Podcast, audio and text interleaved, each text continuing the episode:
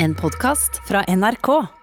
Jeg kan nemlig ønske velkommen til forfatter og regissør Nina Grünfeldt, til journalist og forfatter Vetle Li Larsen og poet og forfatter Sumaya Jirde Ali. Som vi skal ha med oss på FaceTime. Denne uken spiste Dagbladets anmelder Anders Grønneberg pannebåndet til Grand Prix-vinner Tix på direkten i debatten. Vi skal høre hvordan det hørtes ut. Misunnelig, Andreas. Jeg tar gjerne en bit. Altså. ja. Vel bekomme. Jeg fikk en bit av pannebånd nå. Men bare innrøm det. Dette er det beste pannebåndet Du må få med deg litt pannebånd. Ja. Er det beste, beste pannebåndet du har spist? Grønneberg hadde slaktet låta ut av mørket, kalt den hjelpeløs, gitt den terningkast én og sagt at han skulle spise pannebåndet til Tix på en seng av knuste glasskår fra brillene hans hvis han vant. Og spørsmålet det er, må artister, eller forfattere, regissører og andre kunstnere tåle røff språkbruk hvis de har laget noe anmelderne overhodet ikke liker? Nina Grimfeldt, Kanskje denne sjangeren, men ellers nei. Vetle Larsen, ja. Sumaya Iridali? Ali. Absolutt, ja. Da starter jeg med deg, Nina Grimfeldt. Nei, altså innenfor andre kunst- og kulturuttrykk så tenker jeg at det man bør kunne forvente, det er jo faglig gode vurderinger. Eh, her sånn, denne, hele denne seansen her sånn, den får meg til å tenke på Frank Zappa, da han sa at kulturjournalister er folk, eller musikkjournalister. Musikkjournalister er journalister som ikke kan skrive, som intervjuer folk som ikke kan snakke, for lesere som ikke kan lese. Og dermed har jeg sikkert fornærmet veldig mange, men det her er jo klovnejournalistikk av en eh, musikkjournalist som er litt umusikalsk. Vetle Larsen. Altså Spørsmålet var jo hva man måtte tåle, og svaret på det er jo enkelt at ja, man må tåle det. Både dessverre og heldigvis, liksom. Eh, Heldigvis fordi at det er mm, kritikerens oppgave å skrive for leseren. Det er den eneste oppgaven som er der ute. Og hvilke midler han eller hun bruker, det er på en måte alt er tillatt. Sånn er det bare. Og det nytter ikke å sutre og klage. Det er den ene siden av sannheten. Den andre siden av sannheten er jo at det er en rekke eh, rasshøl, for å bruke et godt norsk ord, som, som, som sitter med, med ruinerte karrierer og mm, andre motiver der ute og, og skriver dritt om, om tidligere kolleger og andre. Altså, det, det, dette vet vi. Og så finnes det en rekke strålende og, og vi har ikke noe garanti for noe som helst. Og vi må tåle alt. Og vi kan slite oss i hjel i årevis og bli tråkket ned i sølen, men that's life, liksom. Og, og jeg har personlig mm, villet uh, torturere en rekke kritikere som har gitt meg dårlig og planlagt måten å gjøre det på. Men tre år senere har jeg fått god kritikk av samme kritiker, så jeg tenkte at ja, det er jo egentlig et ganske intelligent, oppegående menneske. Så, så her er vi i de subjektive følelsers vold. Det er vi. Både på den ene og på den andre siden. Og du har vel som eh, kritiker selv lynsjet noen opp gjennom tidene, kanskje? Jeg, jeg sluttet som kritiker da jeg var 21, så det er jævlig bra. Sumaya Irdale, du mener også at dette, dette må dere kunstnere tåle? Ja, absolutt. Altså, som forfatter og poet, så eh, Min første anmeldelse var også det var ikke, ja, nesten en slakt. Um, og, men det er noe annet. Jeg er enig med Nina at man må på en måte kunne skille mellom de ulike um, kritikksjangrene. da. Um, men i dette tilfellet, altså på, på et generelt plan så tenker jeg at kritikk eh, må Hvis man skriver, la, ja, skriver musikk eller, eller skriver en bok og utgir den, og da har man satt seg i en posisjon der man skal ja, der man skal bli dømt, uh, og det må man tåle. Uh, men, men man kan også stille på en måte krav selvfølgelig til kritikken. da. Det må jo være velbegrunna, og det må jo være saklig. Det må jo på en måte forholde seg til verket, og det er jo det de fleste reagerer på i dette tilfellet. Um, fordi anmelderens tone kan ja, i stor grad leses som mobbete. Um, men jeg tror nok um, ja, at det i stor grad skilles av at Tix og, og russelåter generelt er et stort samfunnsproblem som man ikke tidligere har sett at Tix har tatt et oppgjør med før nå, etter at det har blitt belyst i denne debatten. Um, men anmelderen sa jo også at han, han, han virker mye mer moden. Det var jo flere ting som var positiv, som også har blitt fullstendig underkommunisert i denne debatten. syns jeg. Men det, det er jo også noe med at, at eh, dette her er jo en sånn eh, tøff eh, kulturjournalistikk, musikkanmelderi. Vi, vi kan ikke dra all kulturjournalistikk og anmelderi over én kam. Altså, noen, han skriver for Dagbladet, noen kjøper Dagbladet, andre gjør det ikke. Så jeg er ikke så veldig bevandret i denne type musikkjournalistikk, må jeg innrømme. Eh, Det hadde selvfølgelig ikke stått på trykk i en annen type avis, og så må man jo da definere hva er røff språkbruk. Eh, Og det kan godt hende at eh, Grand Prix-låter må tåle det, men i andre sammenhenger så må det være lov til å ønske seg noe helt annet. Okay, Vi må gå videre. I eh, Politisk kvarter på tirsdag gikk FrPs Sylvi Listhaug til angrep på koronastøtten til kulturen. Vi skal høre litt hva hun sa. Det er veldig urettferdig, disse støtteordningene som er laga. Kulturlivet forfordeles, og det reagerer naturlig nok veldig mange på. Men bruker kanskje ordet litt feil her, men det hun mener er at det er urettferdig at kulturlivet får dekket deler av sitt inntektstap under pandemien, mens det øvrige næringslivet bare får dekket faste kostnader. Har hun rett i det, Vetle Lillarsen? Nei. Nina Grimfeldt? Nei, nei, nei. nei. Sumaya Irdali? På ingen måte. Da kan du få starte. Hvorfor ikke? Nei, altså Som forfatter har, og, og poet så har jo jeg sjøl tapt en god del inntekt uh, pga. korona. Uh, det er jo masse som har blitt avlyst, og det er enda mer som har blitt utsatt. Det er veldig mange ulike biblioteker og aktører som har vært solidariske i form av at de har betalt halve honoraret til eh, uh, for, Selv om man ikke har fått gjennomført ordningen. Så jeg synes det er ja, du, Man har ikke bakkekontakt hvis man sier at det er urettferdig at eh, eh, kultursektoren får støtte. Og de fleste av disse ordningene, da.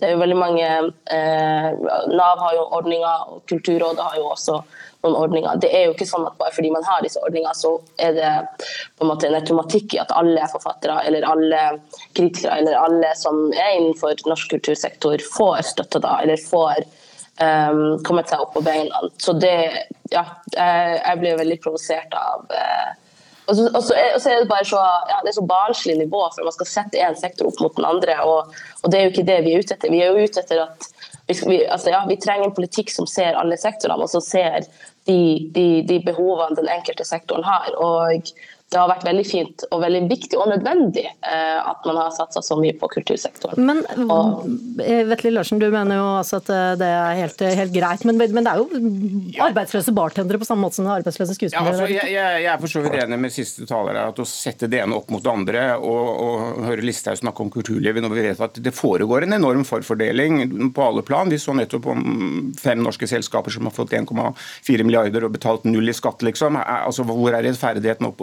dette? Det er liksom ingen rettferdighet. Og, og, og, det er lett å skyte på kulturlivet, og kulturlivet er jo tross alt generelt mer sårbart ofte enn en, en, å få min, langt mindre enn mange andre samfunnsområder. Men det betyr ikke at ikke vi i kulturlivet også må tåle og at det blir rettet et søkelys mot oss selv. Og vi ser jo f.eks. Dette står jo i VG.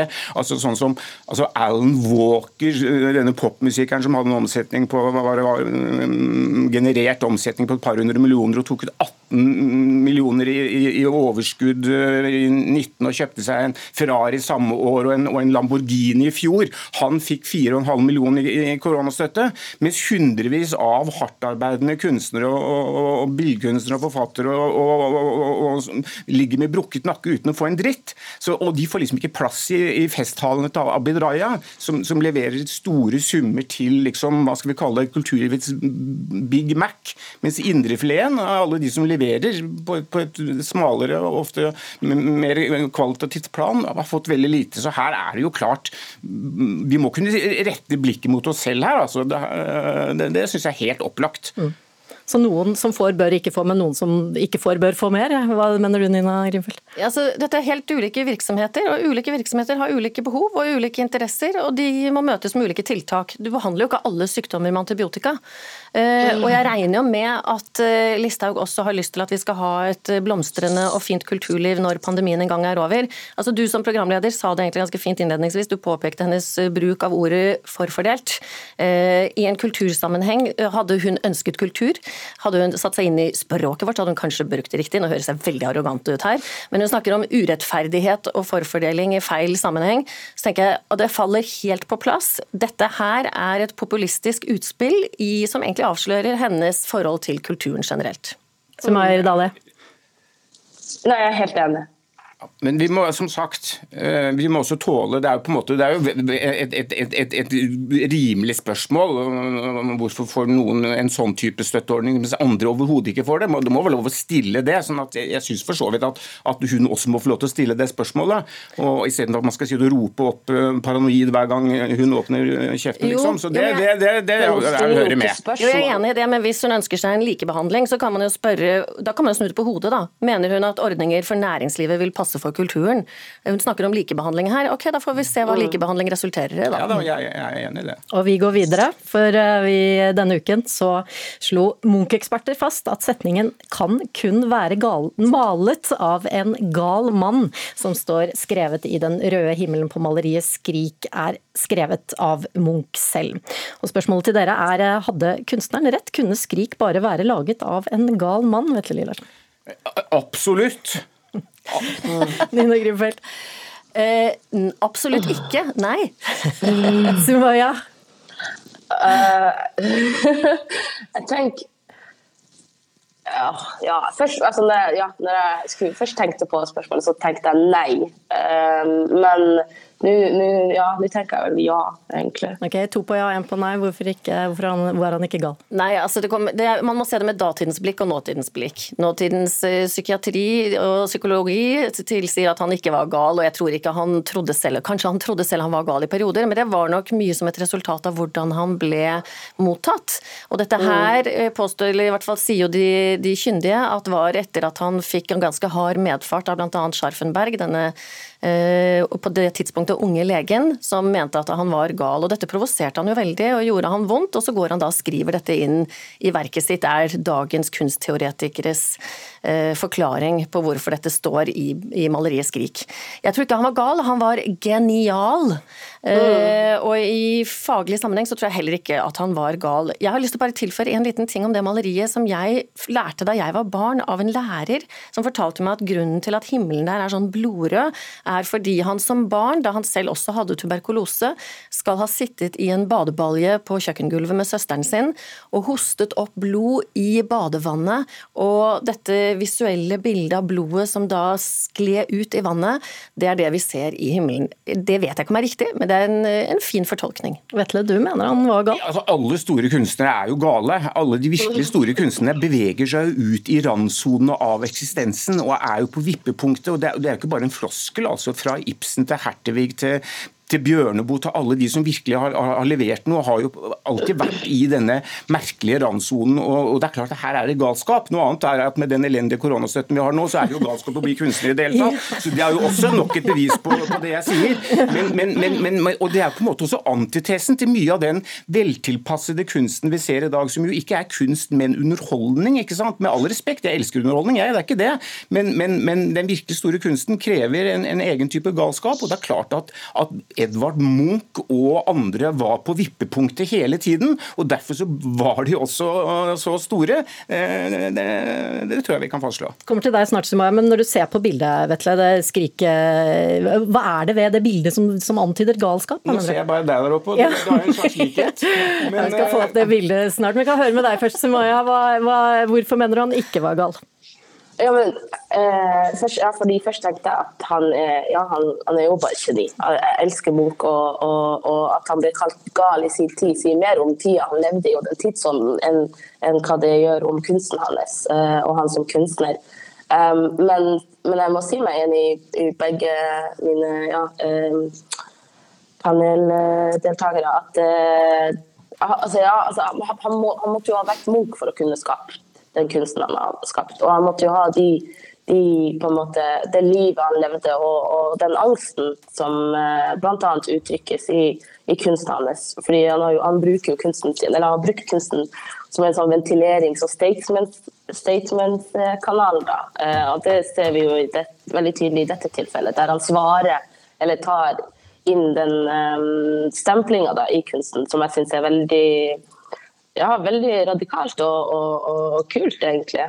Vi kommer tilbake til utgangspunktet igjen. Ville Anders Grønneberg ha gjenkjent eh, Munchs geni? Eh, svaret på det er nok dessverre nei. Han måtte spise pannebåndet sitt i 1890, som han spiste i 2021. er jeg stygt redd for. En annen kritiker ville kanskje gjenkjent. Og det, var, og det var veldig mange som ikke gjorde det. Husk på det. Så det sier også litt. Det er ikke bare nå, i nåtiden Jo, at kritikerne tar feil. De har tatt feil alltid. Men det å Så pushe grenser, er man da gal? Altså, ikke sant? Ja, det er klart eh, Munch var Han, han flyttet kunsten noen mil lange, lange, lange skritt fremover, og det var vanskelig for samtiden å ta inn over seg. Men er det det samme som å være gal? Og når han skriver det inn, så skriver han er bare en gal mann kan gjøre dette, men er ikke det en kommentar? Er det en gal manns Jo, erkjennelse? da skal vi Og så ta det vet- helt seriøst, så, så er det Så vet kanskje vi jo at grensen mellom galskap og genialitet ofte er veldig tynn. Tusen takk for at dere kom til Fredagspanelet, forfatter og regissør Nina Grimfeldt, journalist og forfatter Vetle Lid Larsen og forfatter og poet Sumaya Jirde Ali.